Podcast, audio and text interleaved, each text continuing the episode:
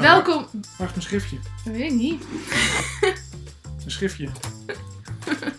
Ik heb een schriftje. Hij, la- hij gaat ook dit erin laten. Dat doet hij altijd. Dit is, dit is ook Ja.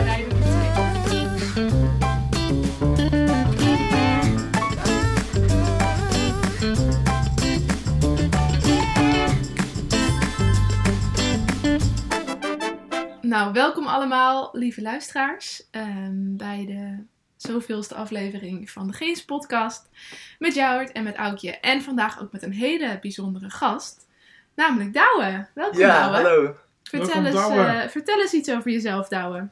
Eh, hi, ik ben, eh ben Douwe dus. Ehm, ik eh, ben 19 jaar. Ik studeer nu filosofie in Nijmegen. Ehm, en ook een klein beetje Nederlands op dit moment. Ehm ik zit erover na te denken om dat Mhm. ook, ook daarnaast nog te gaan studeren. Ehm, ja, ik woon lekker op mezelf in Nijmegen. Ik heb daar een kamertje. En ehm, ik ben dus bezig ook met eh, veganistisch eten. Ik ben nog niet helemaal full on veganist. Maar dat is wel iets eh, waar ik mee bezig ben ook. En eh, waar ik me bewust van probeer Ja. te zijn. Ja, leuk opstapje. Want we gaan het vandaag hebben over dierenrechten. En, en, en dierenwelzijn, maar vooral ook, denk ik, filosofisch gezien, wat voor veranderingen we misschien zouden moeten hebben in hoe we kijken naar dieren. En eh, ja, daarvoor hebben we jou uitgenodigd. Weet je eigenlijk waarom we jou hebben uitgenodigd? Nee, Nou, weet ik allereerst, niet. allereerst natuurlijk, Douwe is de eerste luisteraar ever Ja? Die een reactie stuurde. Oh. In seizoen 1. Dus toen dachten we, nou, dan moeten we natuurlijk wel... eh, ja, ja, precies. Dat moet beloond worden. Maar net ook zei vanmiddag ook al van... eh, ik ben jullie trouwste luisteraar. Nou, dat waarderen we natuurlijk ook heel erg.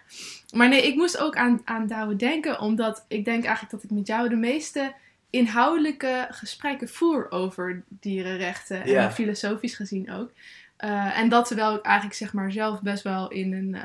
bubbel zit met best veel mensen die hier rondom dit onderwerp bezig zijn. Ik denk dat we daar zo meteen even iets verder op komen als iedereen iets vertelt over eh, hoe zij eh, hun, hun, hun vegan journey hebben beleefd.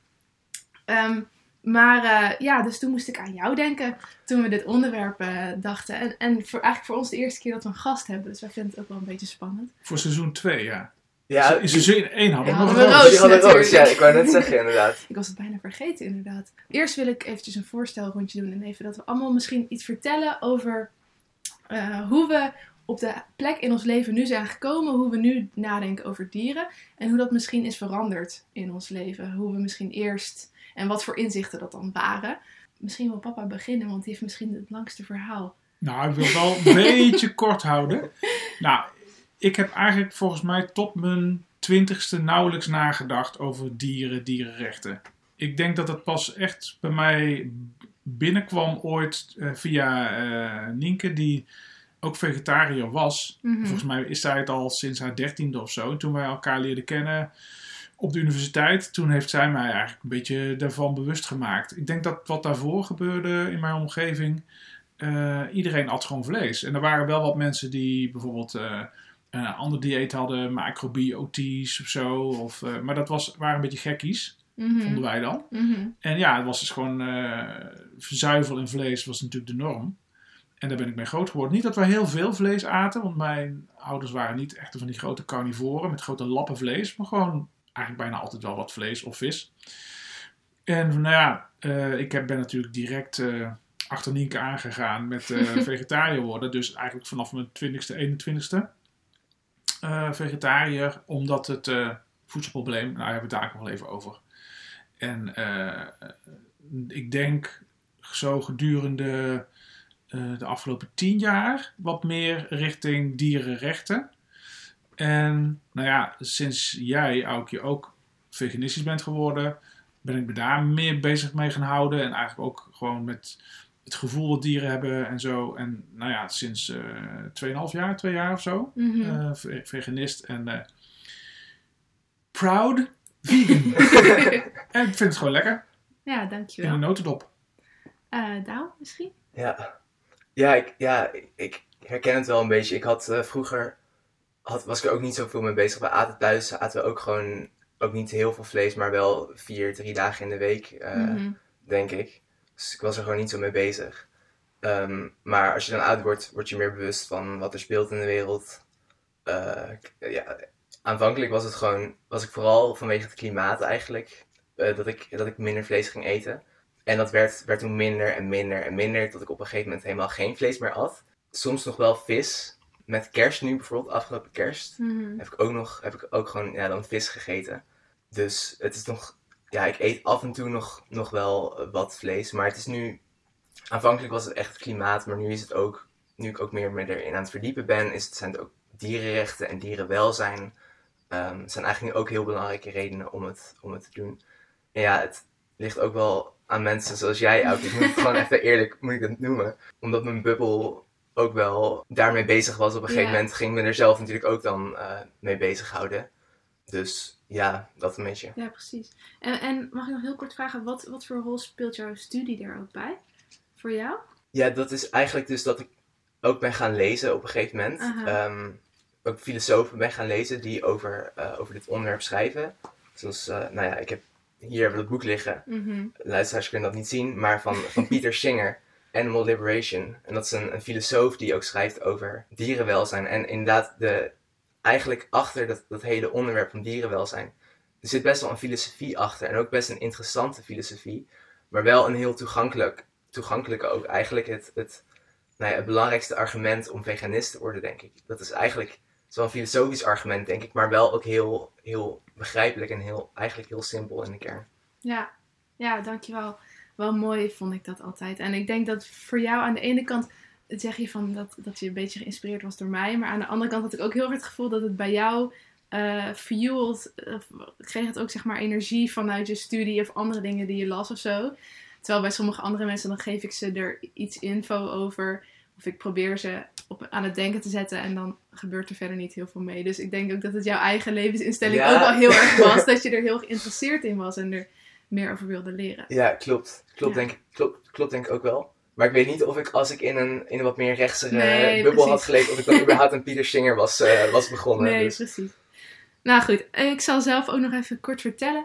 Ehm, mensen vragen het ook echt best wel vaak aan mij, maar ik weet dus helemaal niet zo heel goed meer precies hoeveel jaar ik vegetariër ben, hoeveel jaar ik veganist ben. Ik denk dat ik vegetariër ben gewoon toen ik 12 was of zo. Eh, dat was echt niet zo'n grote stap, want papa en mama die gaven ons heel weinig vlees, omdat papa en mama vegetariër waren. Eh, dus wij aten denk ik één keer in de week of zo, dan soms een gehaktbal of een slavinkje of zo. En op een gegeven moment toen had ik het besef dat het van een levend dier kwam wat er op mijn bord lag. En dat vond ik steeds viezer worden. Ehm, en die afkeer, dat is voor mij wel echt altijd een soort van eh, manier geweest eh, waardoor, het, waardoor ik het niet meer wilde. Wat me aan het denken heeft gezet. En toen ben ik eerst flexitariër geworden. Toen ben ik op scouting, was ik vegetariër. Omdat op scouting was dan geen biologisch vlees, weet je wel. Dat was dan de eerste stap. Ehm, toen op een gegeven moment dacht ik van ja, als ik dit dan zo vies vind, waarom blijf ik het dan af en toe eten? Toen was ik vegetariër geworden. En, en waarom ik veganist ben geworden, weet ik ook niet zo heel goed. Want ik heb voor mijn gevoel niet een heel concreet persoon in mijn omgeving ehm, die me toen heeft geïnspireerd. Ik denk dat het vooral het internet was. En wat ik daarop heb gezien. Op een gegeven moment dacht ik van, nou, misschien moet ik het maar gewoon doen. Toen zei ik dat thuis aan de eettafel. Dat kan ik me nog heel goed herinneren. Dat ik zei, nou, ik wil eigenlijk meer veganistisch gaan eten. En zei papa meteen, ik doe mee. dat was echt geen enkel moment van nadenken of zo. Toen dacht ik, oh, misschien dat het ook wel wel in jouw hoofd had gespeeld of zo. mm, En toen ben ik nog een tijdje flexie veganist geweest, omdat ik het toch wel heel lastig vond. Vooral die laatste paar procent eh, van dierlijke producten die in koekjes zitten, die Ja. in melk, chocola zitten. Wat gewoon ook als middelbare scholier wil je gewoon eh, ja, makkelijk kunnen blijven eten. Eh, maar toen heb ik dat op een gegeven moment, denk ik een jaar geleden of zo, wel echt ook verbannen. Nadat ik de documentaire Earthlings had gezien. Ik weet niet of jullie er ooit van hebben gehoord. Echt een verschrikkelijke documentaire over alles wat er met dieren gebeurt in de wereld. En ja, het was voor mij vooral een hele emotionele ontwikkeling, denk ik. Ik eh, had bedacht dat we het vandaag eh, eigenlijk een beetje over twee dingen konden hebben. Het ene was eh, waarom dierenrechten belangrijk zijn, waarom misschien een veganistische levensstijl belangrijk is. En dat we het daarna even kunnen hebben over toekomstperspectieven en hoe we de samenleving misschien voor ons zien en een beetje idealistisch. Ehm, en ja, ik vroeg me eigenlijk af, wat is voor jullie de belangrijkste fundatie van waarom je zou zeggen van ik wil geen vlees meer eten of ik wil geen zuivel meer eten? Is dat, is dat klimaat? Is dat eh, dierenwelzijn? Is dat eh, misschien een andere reden? Ja, het is eigenlijk gewoon allebei, denk ik. Mhm. Volgens mij is er gewoon best wel veel mis met de, de vleesindustrie en de zuivelindustrie.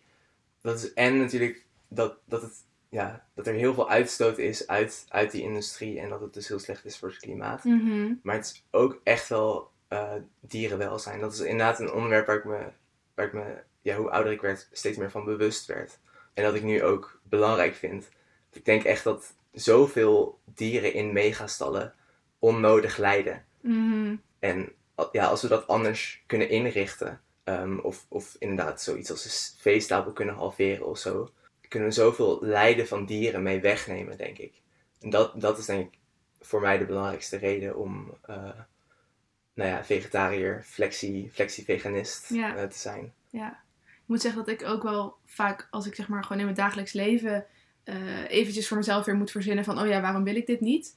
Want dat doe ik eigenlijk constant. Als ik iets krijg aangeboden, weet je wel, een pannenkoek van een huisgenoot of zo, dan denk ik van, nee, ik wil dit niet, want eh, dat heb ik zeg maar echt nodig om door te gaan. En dan is het inderdaad altijd dat welzijn en dat lijden. Maar ik begon wel eerst als vegetariër vanwege het klimaatprobleem. Ik denk ook dat het zeker vleesconsumptie en ook grote zuivelconsumptie, want kaas is slechter voor voor het klimaat dan, eh, dan een stukje kip, had ik laatst gelezen. Ehm, dat dat wel een hele belangrijke reden is. En ook, denk ik, aan heel veel mensen makkelijker te verkopen of zo. Van eh Mhm. klimaat is belangrijk. Ja, dat is wel grappig, want volgens mij is dat wel echt veranderd de afgelopen twintig jaar. Mhm. Eh, natuurlijk is het klimaatprobleem veel helderder en prominenter geworden de afgelopen eh, nou ja, tien jaar, zeg maar. Maar daarvoor ook, als ik kijk naar mijn eigen ontwikkeling als vegetariër, was het voedselprobleem en voedselverdeling eh, vroeger echt het eh, thema waarom mensen vegetariër werden. Volgens mij naast, zeg maar, dierenwelzijn en dat was dan meer van, oh ja, die zielige dieren. Ja, Ehm, terwijl dat laatste voor mij nu veel meer eh, op de voorgrond is gekomen, eh, om- omdat het ook om die enorme aantallen gaat. kun je, kun je Eh. misschien iets meer vertellen over dat voedselprobleem? Want ik heb eigenlijk pas vanmiddag voor het eerst die benaming gehoord hiervoor. En eigenlijk is dat, ik heb daar niemand over in onze generatie ooit Ik over niet, horen nee. praten. Nou ja, kijk, wat, wat volgens mij de mensen in de jaren 70 en 80 ook al wel wisten, Mhm. was dat er heel erg veel landgebruik is, wat eh, gebruikt wordt, land wordt gebruikt voor het produceren van eten voor dieren. Hè, Ja. Met name Ja. soja, eh, maar ook wel eh, andere gewassen. En ja, dat is natuurlijk gewoon hartstikke zonde, want ja, je kan die dingen ook zelf, die producten zelf ook eten. Eh, en dan, dan is er gewoon veel meer eten, want een, eigenlijk is een stukje vlees gewoon ontzettend ja, oneconomisch, eh, om maar even te zeggen. Hè, dat je maar ongeveer van een stukje eh, kalfsvlees, rundervlees, is ongeveer 20%, of sorry, eh 1 twintigste van het gewicht Ja, eh, Ja. van Ja, het precies. eten wat erin gaat, hè, eh, krijg je terug aan proteïnes, aan Mhm. eiwitten. En dat is eigenlijk heel erg inefficiënt. Dus eh, daarmee, eh, zeker toen we nog te weinig voedsel hadden, ik bedoel, er waren wel tijden dat er ook gewoon echt een voedselprobleem was in de wereld, of in ieder geval een herverdelingsprobleem. Kijk, nu is er ook gewoon een. Eigenlijk is er gewoon veel te veel voedsel. Als je kijkt naar calorieën, er is ook gewoon veel te veel calorieën zijn er nu. Mhm. Ook met suiker en vet. Maar goed, er was een tijd dat dat meer een. Nou, toch echt wel een beetje een verdelingsprobleem was. ja. Ja, En, en nu, ja, nu is het voor mij ook vooral de aantal, de schaal. Gewoon dat er op dit moment, eh, nou, hoeveel? 20 miljard eh, dieren of zo zijn. Iedere dag, dag gaan er 100 miljoen eh, dieren naar de Mhm. slachtbank. En dat zijn allemaal dieren die wel een bepaald soort eh, pijn kunnen voelen. Sommigen hebben ook wel echt bewustzijn. Hè, er wordt gezegd, een, eh, een, een, een varken heeft een beetje de, de intelligentie van een, van een peuter. ja. Dan denk Ja. van ja, als er eh, iedere dag 20 miljoen peuters worden omgelegd, ja, Ja. Dan, dan is de wereld te klein. Hè? Ja. Dan, dat is gewoon een Ja. holocaust, iedere dag. En dat mag je natuurlijk niet doen. Je mag, je mag niet, eh, tenminste, dat, is, dat wordt door heel veel mensen niet ethisch eh, gevonden, hè, de, de, de holocaust vergelijken met de manier waarop wij met dieren omgaan. Maar op een bepaalde manier is het, zijn, het ook, zijn wij ook dieren. En, en de dieren die wij afmaken zijn eigenlijk voor een deel hetzelfde als wij. ja. En, Ja. en die schaal, eh, die vind ik echt, eh, dat is voor mij echt zeg maar de, de, de green pill.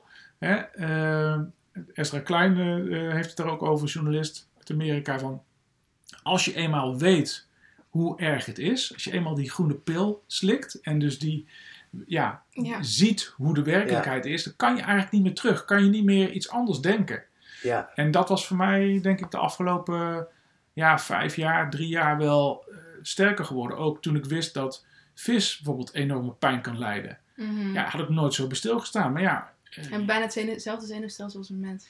ja en dat, Ja. dat soort dingen, als je het niet, als je het niet weet, oké. Maar als je het wel weet, is het heel moeilijk om het niet meer te weten. Je kan het bijna niet meer onweten. Nee, dat heb Ja, ik ook heel sterk. En ik wil nog even het cliché erin gooien van... eh, vroeger vonden we slavenarbeid ook normaal. En Ja. het zomaar vermoorden en offeren van mensen bijvoorbeeld.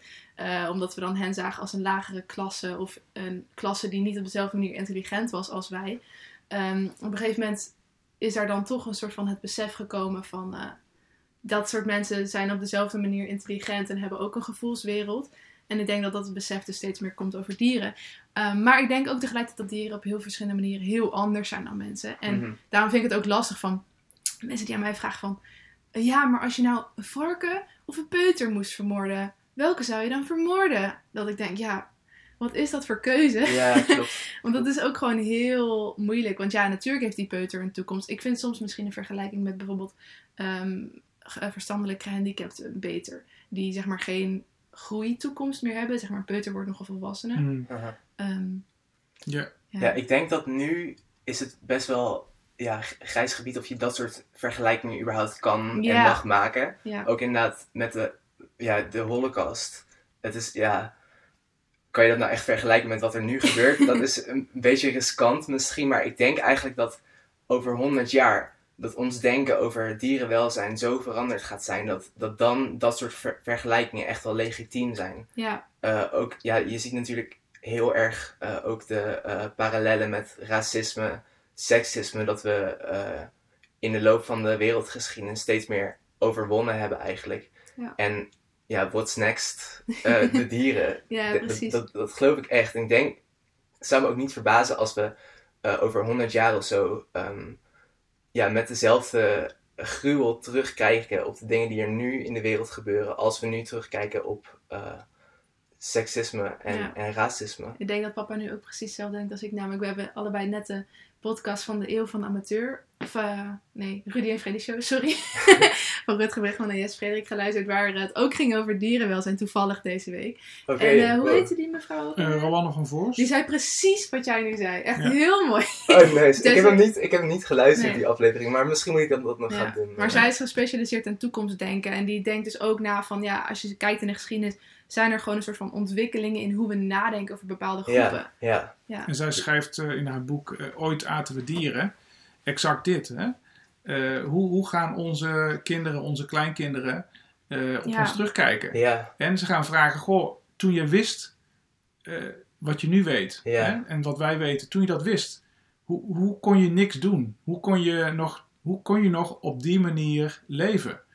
En dat is natuurlijk, daar gaat denk ik dan ook een beetje die vergelijking om met, met bijvoorbeeld de Tweede Wereldoorlog of ander eh, enorm ehm, onethisch handelen. Hè? Van het moment dat je weet dat Mhm. dingen wan- eh, misgaan, wanneer kom je in verzet? ja. En wat is dan jouw verzetsdaad? En ik denk dat zeg maar het worden van vegetariër of het, het, het worden van veganist eh, daar ook mee te maken heeft. Van Mhm. Eh, ja, toch een bepaalde daad van verzet of in ieder geval het niet mee kunnen leven met die, met die werkelijkheid.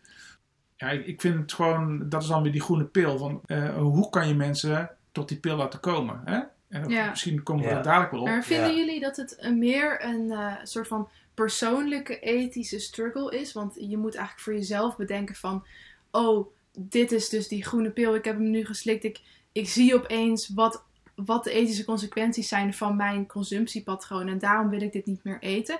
Of denken jullie dat het ook veel meer een soort van sociale rechtsvaardigheidsstruggle is? Zoals bijvoorbeeld de feminisme eh, of slavernij, eh, hoe heet het, losmaken daarvan dat dat was. Want dat was veel meer sociaal, omdat je die mensen moest bevrijden in zekere Ja. zin. eh, dan dat het een persoonlijk. Terwijl nu wordt het heel erg persoonlijk gemaakt, omdat het een dieetkeuze is. En iedereen zegt ook: je moet ook mensen respecteren die nog vlees eten. Weet je wel? Eh, ik zeg dan: ja, als ik eh, op een dating app zit, heb ik op mijn dating app staan: ik date liever niet met mensen die vlees eten. Zeggen mensen, ja, dan, moet je, dan kun je toch niet op voorsorteren, Aukje. Het is toch hun eigen keuze. maar voor mij is dat, zeg maar, als je niet die stap durft te maken om daar op die manier ethisch over na te denken, dan mist dat mist ik dan gewoon heel erg in de persoon. Ja. Ik weet niet wat jullie daarvan vinden. Denk je dat Ja. het persoonlijk is? Ik denk, ja, iedereen maakt natuurlijk die ethische keuze. Uiteindelijk is dat een keuze die je zelf maakt. Ja. Maak je voor jezelf.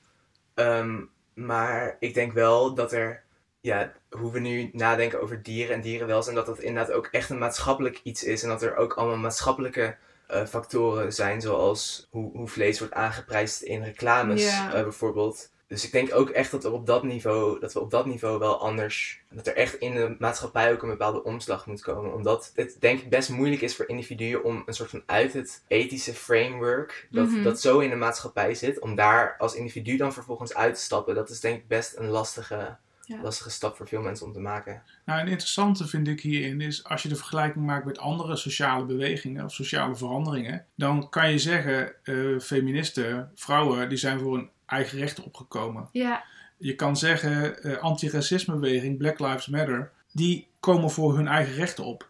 Maar wie komt er op voor de rechten van de dieren? Ik bedoel, voor mij is het best wel nou ja, eenvoudig in die zin om het te laten verplaatsen en ook om me te, te spiegelen eh, aan vrouwen of aan Mhm. mensen van kleur. Mm. En ik heb nog heel veel om te leren daarin. En ik bedoel, daarom vind ik het ook belangrijk dat mensen van kleur mij aanspreken en ik naast ze kan staan om te kijken van hoe kan ik ja, daarin beter worden. Maar voor dieren is het best wel lastig. Wie komt er, wie staat er eh, naast die dieren? We hebben gelukkig de Partij van de Dieren gekregen die, die daarvoor is gaan strijden. Maar als je kijkt naar het rechtssysteem wat we hebben, het institutionele systeem is eigenlijk een soort van institutioneel eh, dierenmishandeling. Hè? Ja. Een, dier is gewoon Ja. een zaak. Een dier ja is dat een was ding. natuurlijk vroeger ook met slaven. Dat was met slaven ook. En die objectivisering Ja. hè, van, van dieren, eh, ja, die zit gewoon in ons eh, systeem. Ik bedoel, een dier is, eh, is niet meer beschermd in een stal tegen eh, brand dan een, eh, dan een kussen. Hè? Eh, dus eh, ik bedoel, het- de verzekering die- dekt de, de schade en niet, het,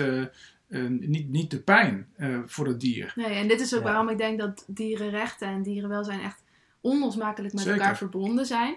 En ik, ik moet altijd, als, ik hier, als we het hierover hebben, denken aan, aan Peter Singer en, en Marta Nussbaum. Waarvan we de boeken allebei hierbij liggen. Ik heb het boekje over van Marta Nussbaum meegenomen. eh, een waardig bestaan over dierenrechten. Ehm, en zij heeft eigenlijk best wel kritiek op, op Singer. Ik weet niet of mensen Singer kennen. Singer is een, eh, een utilist. En die zegt dus van... Het is belangrijk dat we het, het eh, grootste geluk eh, krijgen in de wereld. En omdat dieren ook kunnen lijden. En dieren ook gelukkig kunnen zijn. Zijn we slecht aan het handelen als we ervoor zorgen dat die dieren lijden. En dan ben je dus heel erg uit een soort van negatieve eh, manier aan het ehm, redeneren. Terwijl Noesbaum, zij heeft een soort van eh, theorie die een beetje te maken heeft met, ehm goh, hoe heet het ook weer, Aristoteles, Deugdethiek. deugdethiek. en eh, die- zij zegt dus van, nee, het gaat niet om dat lijden. Het gaat erom dat wij dieren in staat stellen om te floreren. En dat zij dus eigenlijk ook rechten krijgen om alles te doen waar tot zij in staat zijn. En niet alleen maar in een stal zitten en weet je, genoeg leefruimte. En eh, ze kunnen gewoon een beetje rondlopen. En ze, zijn, ze hebben geen pijn. Eh, ze hebben genoeg eten. Ze hebben genoeg zon. Nee, ze hebben ook het recht om hun eigen keuzes te maken. Ze hebben ook het recht om niet eh, gedood te worden. Ehm, en dat is denk ik het verschil ook tussen heel veel ehm, vaak vegetariërs of mensen die echt radicaler bezig zijn met dierenrechten. Van, het gaat niet meer alleen maar over dierenwelzijn. eh in de simpele zin van we willen dat ze een goed leven hebben gehad. Mama zei vanmiddag van vroeger altijd nog wel vis, want die vissen waren gewoon levend in de zee. Die hadden gewoon een goed leven en dan gingen ze dood. En Mhm. dat was een vrij simpel proces. En dus ze hadden een goed leven gehad. Het gaat niet meer alleen om dat goede leven. Het gaat ook over, maar wat vinden we nou fundamenteel over dat recht van, van dieren? Denk ik. Ja. Ja, ik vind inderdaad zo'n zo'n meer positieve benadering eh, vind ik ook mooi. Maar ik zie ook wel vanuit filosofisch perspectief vind ik het altijd een beetje moeilijk om dan te duiden wat dat dan, die inherente waarde van een dier, Ja. wat het dan is of zo. Ook ja, dat, hetzelfde probleem heb je eigenlijk met mensen. We vinden vaak dat mensen, mensen rechten hebben omdat we als mensen allemaal een bepaalde waarde hebben. Maar ja, wat is dan die waarde? Dat is dan, dat is dan moeilijk te duiden. Dus ik zie, zie inderdaad met beide, eh, beide stromingen zie ik eigenlijk voor- en nadelen. Maar ja, ik wou nog even terugkomen eigenlijk op een punt dat, je- dat punt dat Jouwert maakte over wie komt er voor de, voor, de, eh, voor de dieren op. En dan wil ik eigenlijk nog een derde filosoof er even bij halen, Mhm. eh, namelijk John Rawls. Is vooral bekend eigenlijk van zijn gedachte-experiment The Veil of Ignorance, dus de sluier van onwetendheid. En hij heeft veel nagedacht over wat een samenleving nou rechtvaardig maakt. En dus eigenlijk zegt hij van ja, op het moment dat we een samenleving gaan inrichten, moeten we dat altijd doen van achter een sluier van onwetendheid. En dat wil zeggen, dus je altijd, je instituties moeten we inrichten met het idee dat we een samenleving creëren waar we zelf in gaan leven, maar niet weten van tevoren in welke positie in de samenleving we terechtkomen. Dus voor hetzelfde geld moeten we er rekening mee houden dat, dat we eh, na het inrichten van onze samenleving een vuilnisman worden in die samenleving. Of een varken. Of een varken. Of een varken, precies. Dat is, dat is precies het punt wat ik wou maken. dus Volgens mij kan je dat Ja. Volgens mij kan je dat goed doortrekken naar onze, onszelf ook voorstellen bij het inrichten van onze maatschappij, onze instituties. Ja. Voor hetzelfde geld eh, ben je een varken. En ja, Ja. dan wil je niet in de megastal zitten. Nee, Eh, dat of- is natuurlijk nu wat er aan, aan de hand is met, met dierenrechten en met, met, met natuurrechten. Hè. Dus er zijn nu ook rechtszaken die worden aangespannen namens vogels, namens bossen, namens rivieren. Waarbij dus wordt gekeken, eh, dat eh, haalde ook uh, Rowanne van Voorst aan. Wat zijn nou de rechten van een rivier bijvoorbeeld om niet vervuild te worden? Of om de, de functie die die rivier vervult voor een bepaald soort ehm, gemeenschap die daaromheen leeft. Hè? Als je het bijvoorbeeld hebt over bepaalde indigenous eh, people eh, die eh, in Amerika eh, wonen, die bepaalde soort eh, spiri- spiritualiteit ontlenen bijvoorbeeld aan een rivier. En het moment dat daar eh, nou, schade aan komt, dan, dan die rivier die heeft ook het, nou ja, het soort van het recht om dat te zijn.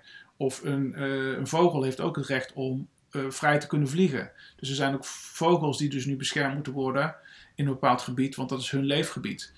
Dus als je zo gaat nadenken, dan, ja, dan, dan kom je eigenlijk achter die sluier. Hè? Van, Mhm. nou ja, in principe weet je niet wie je zou zijn. Dus laten wij als, eh, als instituties iedereen beschermen die binnen ons leefgebied zit. Mhm. Ja, Maar ik, ik wil niet advocaat van de duivel spelen, maar toch wel een beetje. Vind je het niet een beetje zweverig om dan rivieren echt rechten te gaan toekennen? Want we kunnen natuurlijk nooit zelf soort van in reïncarnatie een rivier worden. Terwijl ik me dat bij een dier veel beter kan voorstellen. En ik denk hierbij komen we ook een beetje op het grijze gebied. Wat ook altijd mensen die geen vegetariër zijn, die willen daar heel graag veel over weten. Van ja, maar eet je dan wel insecten bijvoorbeeld? ja. Waar, is, waar houdt het op? Ja. Weet je, waar hebben dieren nog bewustzijn? Ja. En hebben ze daarom, kunnen ze lijden, eh, Ja. hebben, ze, hebben ze zenuwen? Eh, en bijvoorbeeld een oester. Mogen we een oester eten? Want het- ze hebben misschien wel geen zenuwen. Dan is het bijna een soort van plant. Eh, maar ja, waar zitten ze dan in het spectrum? En ik vond dat jij laatst een hele interessante... Volgens mij komt dat uit het andere boekje ja wat we hier hebben liggen.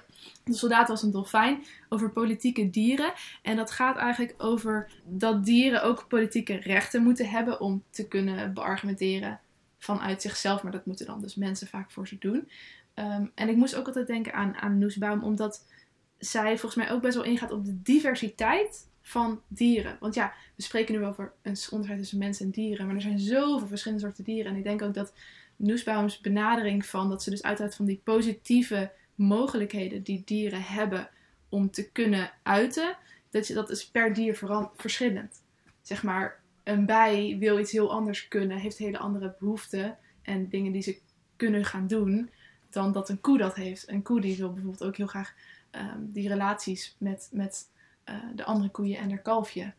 Eh, ik weet niet of jij daar nog iets over wilde zeggen, over die eh, soldaat als een dolfijn en, en dierenrecht. En, Nou, voor mij komt het al een beetje op het volgende onderwerp wat gaat richting veranderingstheorie. Ja. En Ja. ehm, maar Ja. even over de diversiteit misschien, tussen verschillende diersoorten en, en, en ook Ja. dieren die van mensen zijn, dieren in de Ja, natuur wat. Eva Meijer eigenlijk zegt is, je zou moeten gaan kijken naar, de, eh, naar, naar dieren eh, op verschillende manieren, hoe zij zich verhouden tot mensen. Eigenlijk zegt zij mensen en andere dieren. Hè? Dus sowieso, een mens is ook een dier. Ja. Dus daar begint zij natuurlijk al mee. Ja.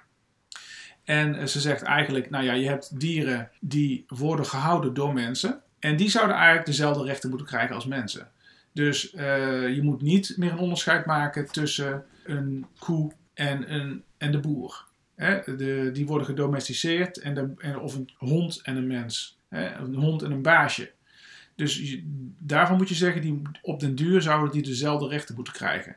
Eh, en dan heb je, eh, je hebt ook dieren die zitten in onze leefomgeving. Hè? Dus je hebt eh, duiven, die komen, nou, die komen gewoon ook op mensen af. Hè? Dus nou, die zitten in, in onze leefomgeving. En dan gaat het juist om de relatie tussen de mens en het dier. En hoe kan je ze allebei tot hun recht laten komen.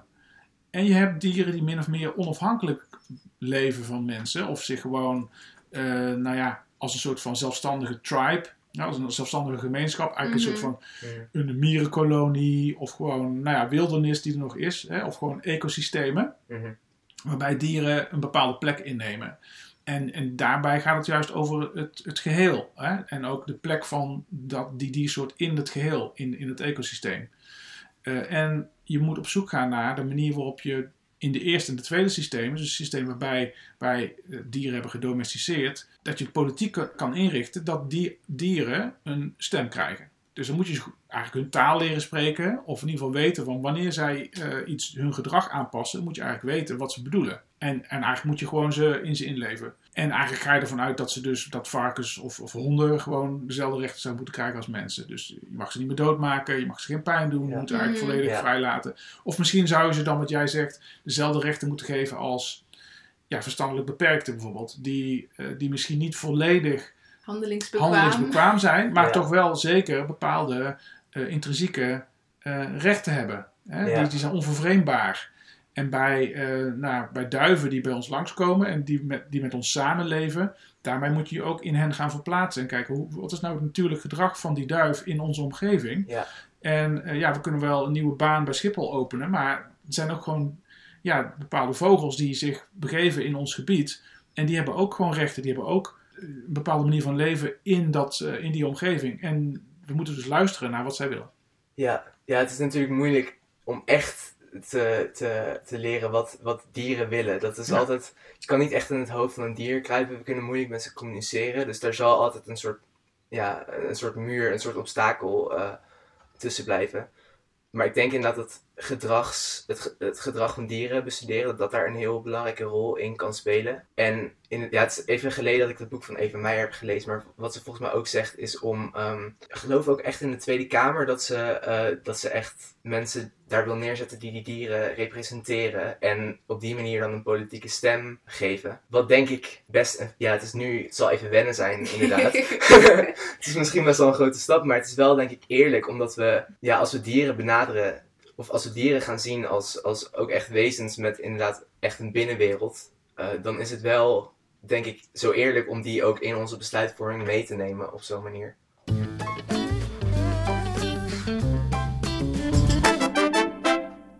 Goed, laten we doorgaan naar, eh, naar dat toekomstbeeld.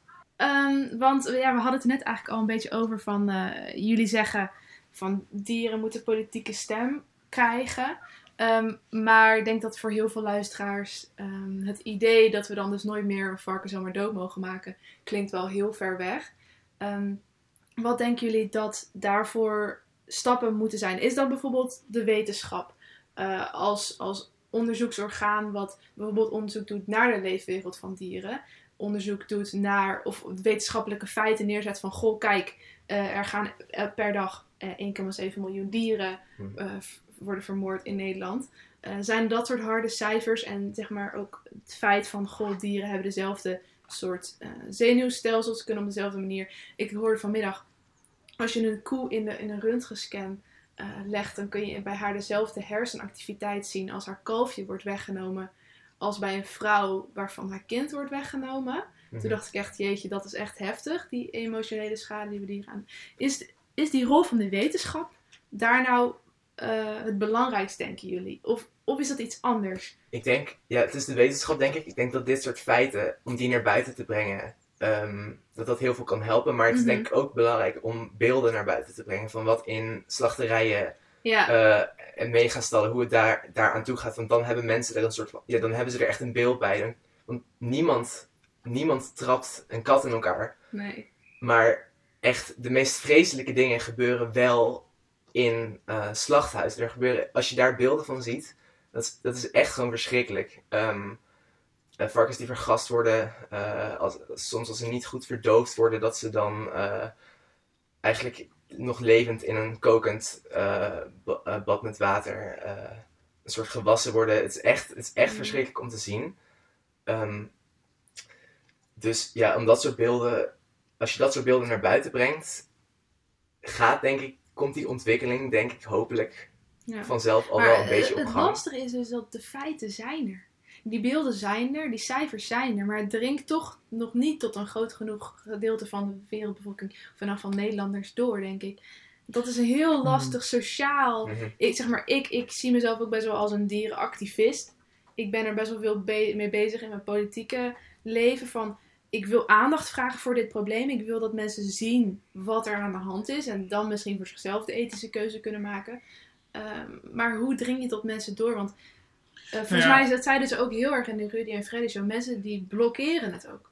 Nou ja, het heeft er met, inderdaad met die cognitieve dissonantie te maken. Je kan aan de ene kant het gewoon heel erg vinden voor dieren om slecht behandeld te worden. En tegelijkertijd dierenvlees eten. Ja, dus dat, dat, is, dat gaan, gaan, kan heel goed naast elkaar bestaan.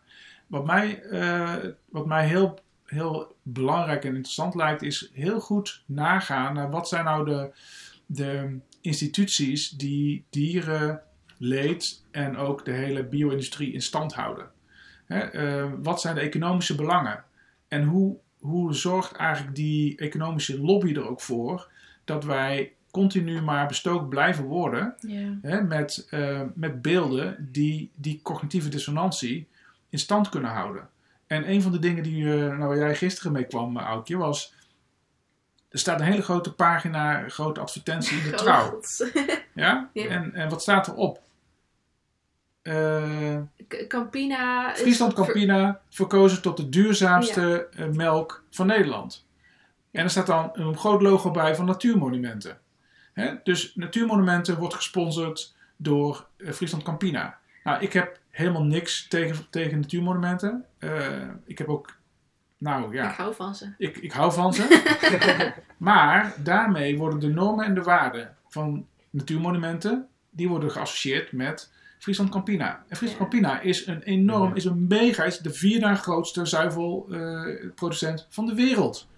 En die hebben dus, die, die zorgen ervoor dat er miljoenen kalfjes ter wereld, stiertjes in de- ter wereld, eh, gewoon, eh, nou ja, continu naar de slacht worden eh, hè, Ja.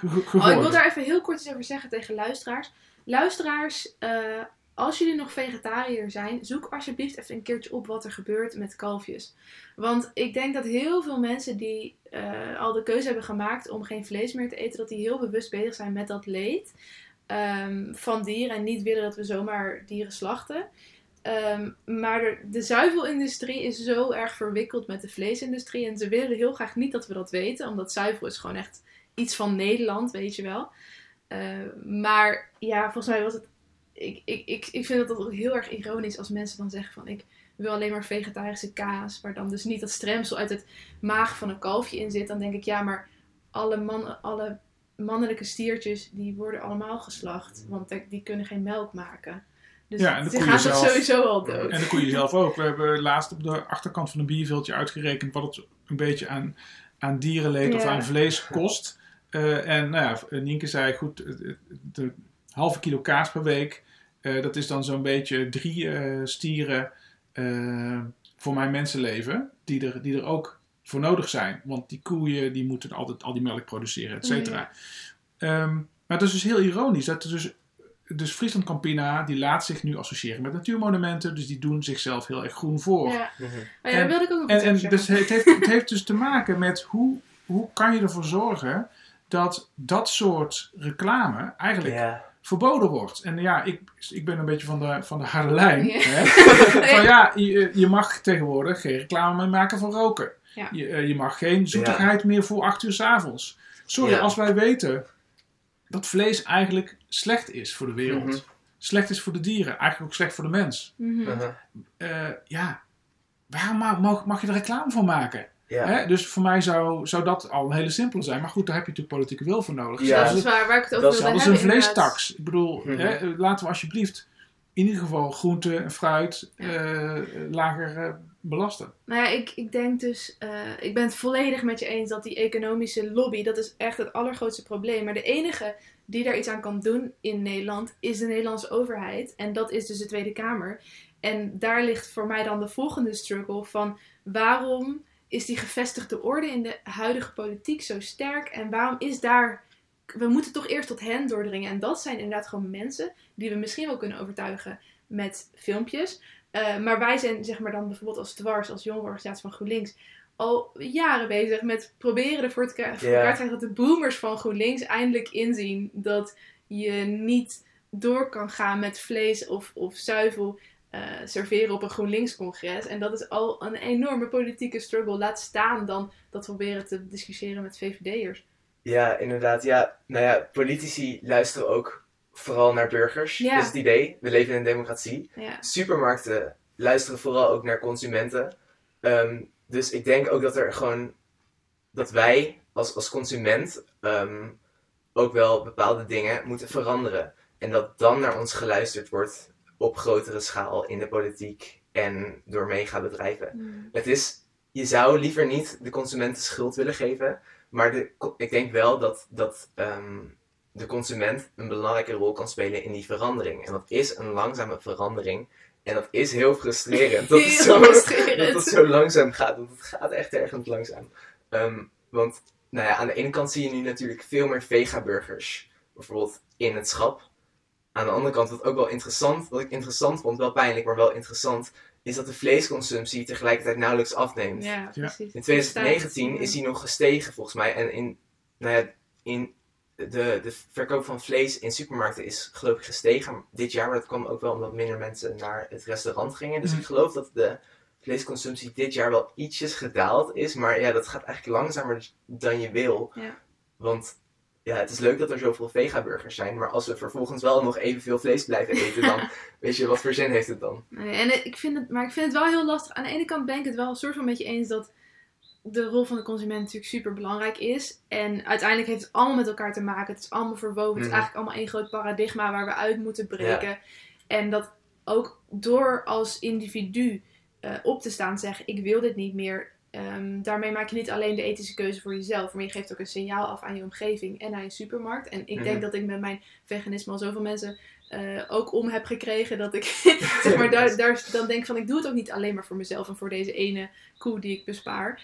Ehm, maar tegelijkertijd denk ik ook weer van dit haakt weer terug op dat dilemma waar we het eerder over hadden. Tussen is het nou een individuele verantwoordelijk e- ethische keuze? Eh, want we maken het heel erg een eigen ethische keuze, dus het is ook oké als je vlees eet. Ehm, of is het een maatschappelijk probleem van massamoord, waar we als activisten tegen op moeten staan? En ik denk dat als we het aan de Albert Heijn overlaten, dan gaan die er alles aan doen om toch nog vlees, ook gestimuleerd door Mhm. de grote vlees eh Vion Food Group, die al druk uit op Albert Heijn, om dan toch vlees in een mooi biologisch jasje nog Ja. steeds te presenteren. Eén keer in de week. Het breekt mijn hart als ik zie dat de, de, de plofkippen in de bonus zijn bij de Albert Heijn. Oh. Nee, maar kijk, als je eh, ziet hoe de politieke partijen op dit moment de, eh, de verandering die nodig eh, is voor het klimaat, en daarbij speelt de landbouw een rol, eh, willen vormgeven, dan, dan gaan ze allemaal voor circulair. Hè? Ja, Cir- hè? Circulaire landbouw. En maar dat is echt een frame die enorm door de zuivellobby en de vleesindustrielobby wordt gepromoot. Want in de circulaire landbouw, daar is eh, een mest speelt daar een belangrijke rol. En dan kan je dus nog steeds eh, koeien houden. En dat is, dat is dus fijn. Dus er is gewoon plek in Nederland voor, voor een zuivelindustrie.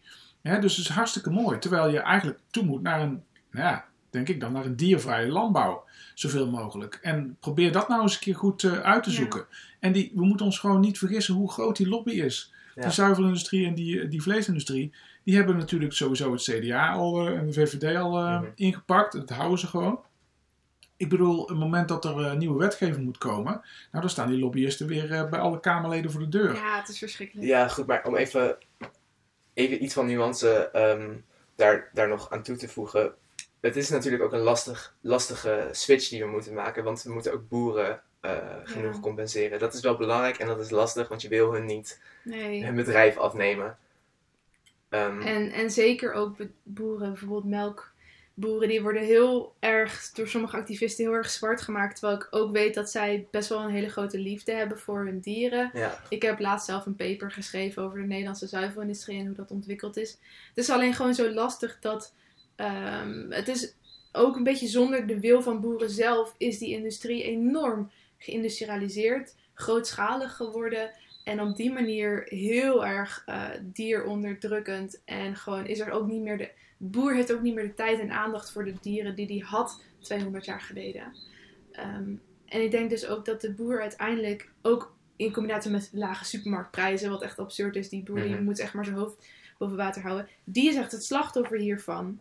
Eh, samen met zijn koeien. En ik denk dat het heel lastig is om dat, die boodschap door te laten dringen aan boeren. En dat zij toch iets anders zullen moeten, want het is natuurlijk hun hele levenswerk. Nee, maar Ja, dat- daar heb je helemaal gelijk in. Ik vind dat boeren niks te verwijten valt. Nee, Ja. Het is de landbouwsector en het landbouwbeleid, wat Ja. wij jarenlang hebben gestimuleerd en wat nog steeds enorm wordt gesubsidieerd, wat, wat gewoon pervers is. ja. En wat ja, de hele verkeerde prikkels geeft. Kijk, natuurlijk wil een boer in contact zijn met zijn land, eh, met haar eh, dieren. En, en daar ga je voor als, als boer. En ik heb laatst ook weer een aantal mooie documentaires gezien hierover. En boeren die vinden het gewoon prachtig om bezig te zijn met, eh, ja, met voedsel. Mhm. En, ehm, en daar dichtbij zijn. En ook de verbinding tussen de consument, tussen de klant en hun, hun producten te laten zien. Tegelijkertijd ja, zitten er ook wel wat oogkleppen op hoor. Want er zijn heel veel boeren die het wel hartstikke leuk vinden om lekker grootscha- groots- grootschalig te worden. Dat was vorige week nog op televisie. Hm. Een boer die was verhuisd naar Denemarken en heeft nu Hmm. 600 koeien. En die mogen nooit naar buiten. Dus gewoon 0% weidegang. Mhm. Het spijt me, maar ja, dat is echt niet wat een, wat een koe leuk vindt. Eh, nee, natuurlijk is dierenwelzijn daar niet heel slecht. Hè? Eh, alleen tegelijkertijd, ja, eh, als je die koe de vrijheid zou geven en, hem, en naar haar zou luisteren hè, als koe, Ja. ja, dan is dat echt niet, en al die stiertjes die daar worden afgevoerd, echt niet, eh, ja, oké, denk ik dan. Ik bedoel, eh, en natuurlijk, dat kan alleen maar want, omdat zij nou eenmaal, eh, ook vanwege de, de melkprijzen, gewoon grootschaliger moeten worden. Maar ja, we moeten er gewoon van af. En je kan ook op een andere manier lekker eten. Hm. En die boeren kunnen ook andere hele gezonde producten maken. En dat, dat moeten we gaan stimuleren. Maar we hadden het net ook een beetje over kleinschalige eh, boeren en misschien ook over, over ehm, biologisch eh, vlees of biologische zuivel in elk geval. En dat deed me ook weer denken aan een vraag die ik net had. Ehm, ook over dat activisme van, moeten we nou echt een keiharde lijn trekken van niks meer? Of moeten we zeggen van het zijn stapjes en laten we eerst kijken naar dierenwelzijn, dat verbeteren en dan kijken misschien kunnen we iets van dierenrechten implementeren voor huisdieren, dan kijken een stapje. Of denken jullie van we moeten gewoon keihard ehm, duidelijk maken van, want als wij het niet heel hard zeggen, wie gaat dat dan doen misschien? Ja, ik denk dat dat is de rol van activisten, denk Ja. ik, om dat keihard te zeggen. Eh, maar in de praktijk denk ik dat het in stapjes gaat. Want ik denk dat dit Ja. soort ontwikkelingen gaan altijd ook- in stapjes. Maar dat betekent niet dat wij als, of nou ja, als activisten dan niet hard mogen schreeuwen. Maar valt er dan nog een gesprek met ons te voeren? Dat is eigenlijk ook mijn vraag. Ja, Als ik gewoon zeg wel. van ik vind het allemaal niet meer oké. Ik zeg zelf soms van eigenlijk vind ik het niet meer acceptabel om een kat als huisdier te hebben.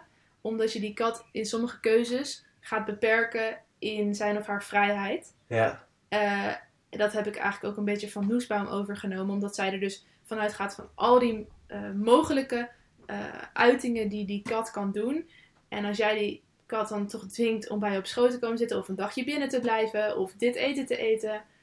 Dan heb je eigenlijk die kat in haar vrijheid beperkt. nee, ik, ik denk zeker dat je dat soort dingen kan vinden. maar mensen inderdaad. willen ook niet meer Ja, met in nee, maar- gesprek of nee, zo. Want ja. het is zo extreem. Ja, maar ik denk wel dat we een boodschap hebben die over kan komen. Eh, ook, ook op nou ja, mensen die nog niet op dezelfde manier over denken als wij. Ik denk Ja. dat het langzaam zal gaan. Maar ik denk, denk ook, ja, als je dat weer vergelijkt met racisme, seksisme, gelijke rechten voor vrouwen, eh, was een hele lange tijd geleden, klonk echt ook nog als een absurd, extreem idee. Eh, en dat is nu, vinden we nu ook echt de normaalste zaak van de wereld Ja. in de westerse eh, wereld althans. Eh, dus ik denk, zolang, ja, zolang je maar die boodschap blijft pushen, ehm, gaan mensen op een gegeven moment wel luisteren, omdat je dat maatschappelijke draagvlak, dat gaat in stapjes, maar dat creëer je denk ik wel door, Ja. door, door bij je punt te, te blijven. Ja, ik denk dat het ook heel mooi zou zijn als er een soort van Urgenda- Urgenda-uitspraak komt over dierenrechten. Hmm. Dus als er een keer eh, in Nederland een uitspraak komt die gaat zeggen: eh, koeien hebben andere rechten dan alleen maar het recht om eh, gecompenseerd te worden als, als boer net als dat je, wanneer je nou ja, je stal met kussens verbrandt, hè, want dat is zeg maar nu aan de hand. Dus als je ervoor kan zorgen dat, eh, dat koeien andere rechten hebben dan ze nu zijn, want nu zijn het gewoon zaak eh, hè, dingen, de- ja, dan denk ik dat je al ehm, dat, dat, dat er veel meer afgedwongen kan worden. Net als dat het stikstofbeleid en die stikstofwet, Ja, eh, dat Hmm. maakt gewoon, in, ik bedoel, op het moment dat je gewoon terug kan vallen op een aantal fundamentele afspraken, een aantal fundamentele wetten, dan wordt het ook moeilijker voor het CDA, de VVD en andere partijen om, om toe te geven aan de lobby. Natuurlijk heb je nog steeds boeren die naar Binnenhof gaan en ik, ik gun ze ook hun demonstratievrijheid. Alleen op een gegeven moment weet je, ja, het spijt ons. Weet je, er zijn gewoon afspraken die we met elkaar gemaakt hebben en ook dieren hebben rechten. En dat is één kant. En de andere kant is natuurlijk dat we eigenlijk gewoon alle positieve stapjes, kleine stapjes moeten toejuichen en blijven vieren. Ja. Natuurlijk, als er weer meer vegaproducten zijn, hartstikke fijn. En blijf lekker ik ben ook veganistisch. zeker blij mee. Blijf lekker, ja, blijf lekker veganistisch koken voor iedereen. En, en noem het niet per se veganistisch, maar gewoon leuk en lekker. ja. Hè? En ehm, ja, ik, ik ben vaak toch wel een beetje activistisch, maar eh, ja, ja, ik, je moet mensen vooral niet te veel van je ver- vervreemden. En dat is, eh, ja, dat, daar denk ik dan. Nee, ik probeer te laten zien hoe leuk het is, inderdaad. En niet dat het alleen maar lijden is. Want dat Nee. denken heel veel mensen over veganisme. Maar ik, ik ben echt meer van koken gaan houden dan ooit of zo. Eh, ik wil nog even één laatste, echt super moeilijke vraag opgooien. Voor ik me kan voorstellen dat mensen die dit luisteren nu denken van... Oh, dat is eigenlijk wel een groot vraagstuk. We hebben het nu best wel veel over Nederlandse politiek. En mogelijkheden in de Nederlandse industrie om hier dingen te veranderen. En heel veel mensen zeggen, ja, als we in Nederland de veestapel halveren dan gaan we gewoon al ons vlees uit Oost-Europa halen. Of uit, wat zijn nou net, Denemarken, waar nog veel minder rechten zijn voor die dieren. Waar ze helemaal niet naar buiten hoeven. Waar ze op de gruwelijkste manieren kunnen worden mishandeld. Omdat we in Nederland best wel in de wet al wat richtlijnen hebben voor dierenwelzijn. Ehm, wat vinden jullie daarvan en zou dat op een globale schaal moeten worden aangepakt? En dat is pas echt moeilijk. Ja, lastig. Ik denk, wat, wat je natuurlijk hoopt, is dat als wij als Nederland de veestapel halveren, dat meer mensen, dat, dat meer, dat meer landen geïnspireerd raken. eh, en dat dan ook gaan doen. Ja, ik weet niet of dat in de praktijk gaat gebeuren. Waarschijnlijk niet. Ja. En, en wat vinden jullie van een soort van het filosofische uitgangspunt dat landen zoals India en China eh, nog het recht hebben om op dezelfde manier als dat wij hebben gedaan van welvaart te genieten en dat zij daarom nog fossiele brandstoffen mogen gebruiken en nog veel vlees mogen eten omdat dat westerse landen dat ook hebben gedaan? Nou ja, wat Rowanne van Voorst in de podcast met eh, Rutger Brechtman er ook over eh, zegt, is: kijk, de stijging van consumptie van vlees is voor een deel een statusding. Ja. En eh, ik denk dat op den duur status natuurlijk ook gaat veranderen. Hè? Dus de status van het eten van vlees verandert. Op het moment dat je laat zien dat alternatieven ook hip en, eh, en, en leuk zijn. Dus als je, zij hadden het dan over kweekvlees bijvoorbeeld. Mhm. Nou, stel dat er kweekvlees gaat komen en, eh, of hele bijzondere paddenstoelburgers. En dat wordt het helemaal. Ja, dan, dan kan. Dus ik denk dat er voor een deel eh, de markt hè, dat ook gaat oplossen. Op het moment dat jij gewoon zorgt dat het. Kijk, sowieso moet je beginnen met het, het verbieden van al die externe kosten. Eh, eh, niet opnemen in, de prijs. Dus uit, natuurlijk, daar heb je internationale afspraken voor nodig. Ja. Maar op het moment dat je ervoor zorgt dat in ieder geval de milieu en de, en de dierenkosten eh, ja, ook in de prijs zitten, dan wordt het veel duurder om vlees te maken en zuivel te maken. Ja, dan wordt het veel goedkoper om alternatieven te bieden. Dus dat is natuurlijk iets wat je kan regelen. En ik denk, ja, op het moment dat Unilever de kansen voor de vegetarische slager die ze hebben overgenomen ziet toenemen, dan gaan ze daar meer reclame van maken. En dan zien de Chinezen ook, wauw, vegetarische slager, dat is, dat is Ja. hip. ja dat is Dat, echt- dat is echt, eh, dat gaan we ook doen. En dan hoeven ze niet al die miljoenen megastallen voor varkens te bouwen. Nee, hè? precies. Het is een beetje zoals de Afrikanen die de vaste telefoon hebben overgeslagen. Precies. Omdat ze meteen naar het mobieltje toe gingen. Dat hoop ik maar. Dat, het, dat je in, in principe heel snel richting circulaire landbouw kan gaan. Heel snel misschien zelfs dat overslaat en gaat naar een volledig diervrije landbouw.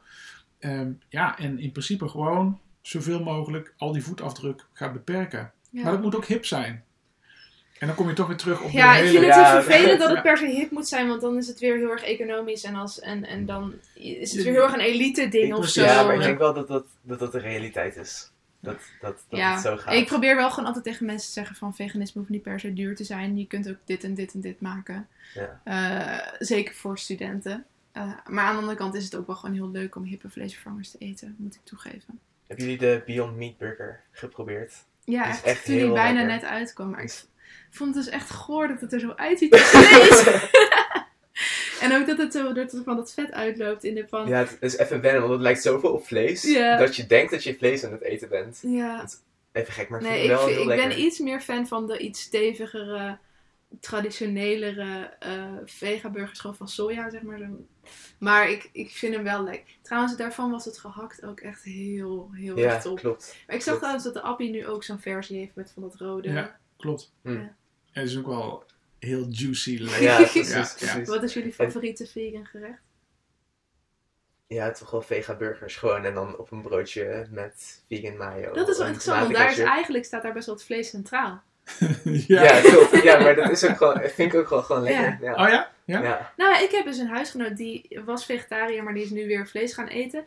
En die zegt van ja, ik vind dus ook gewoon echte hamburgers helemaal niet zo lekker. Ik vind vegaburgers veel lekkerder. Ja, ja. Ja, Dus- ik ben nu ook wel een beetje ja, op dat punt, denk ik. Ja. Ik zou nu absoluut geen, geen vleesburger meer hoeven. Er zijn echt lekkere vervangers. Ja. En ook dingen als linzenburgers.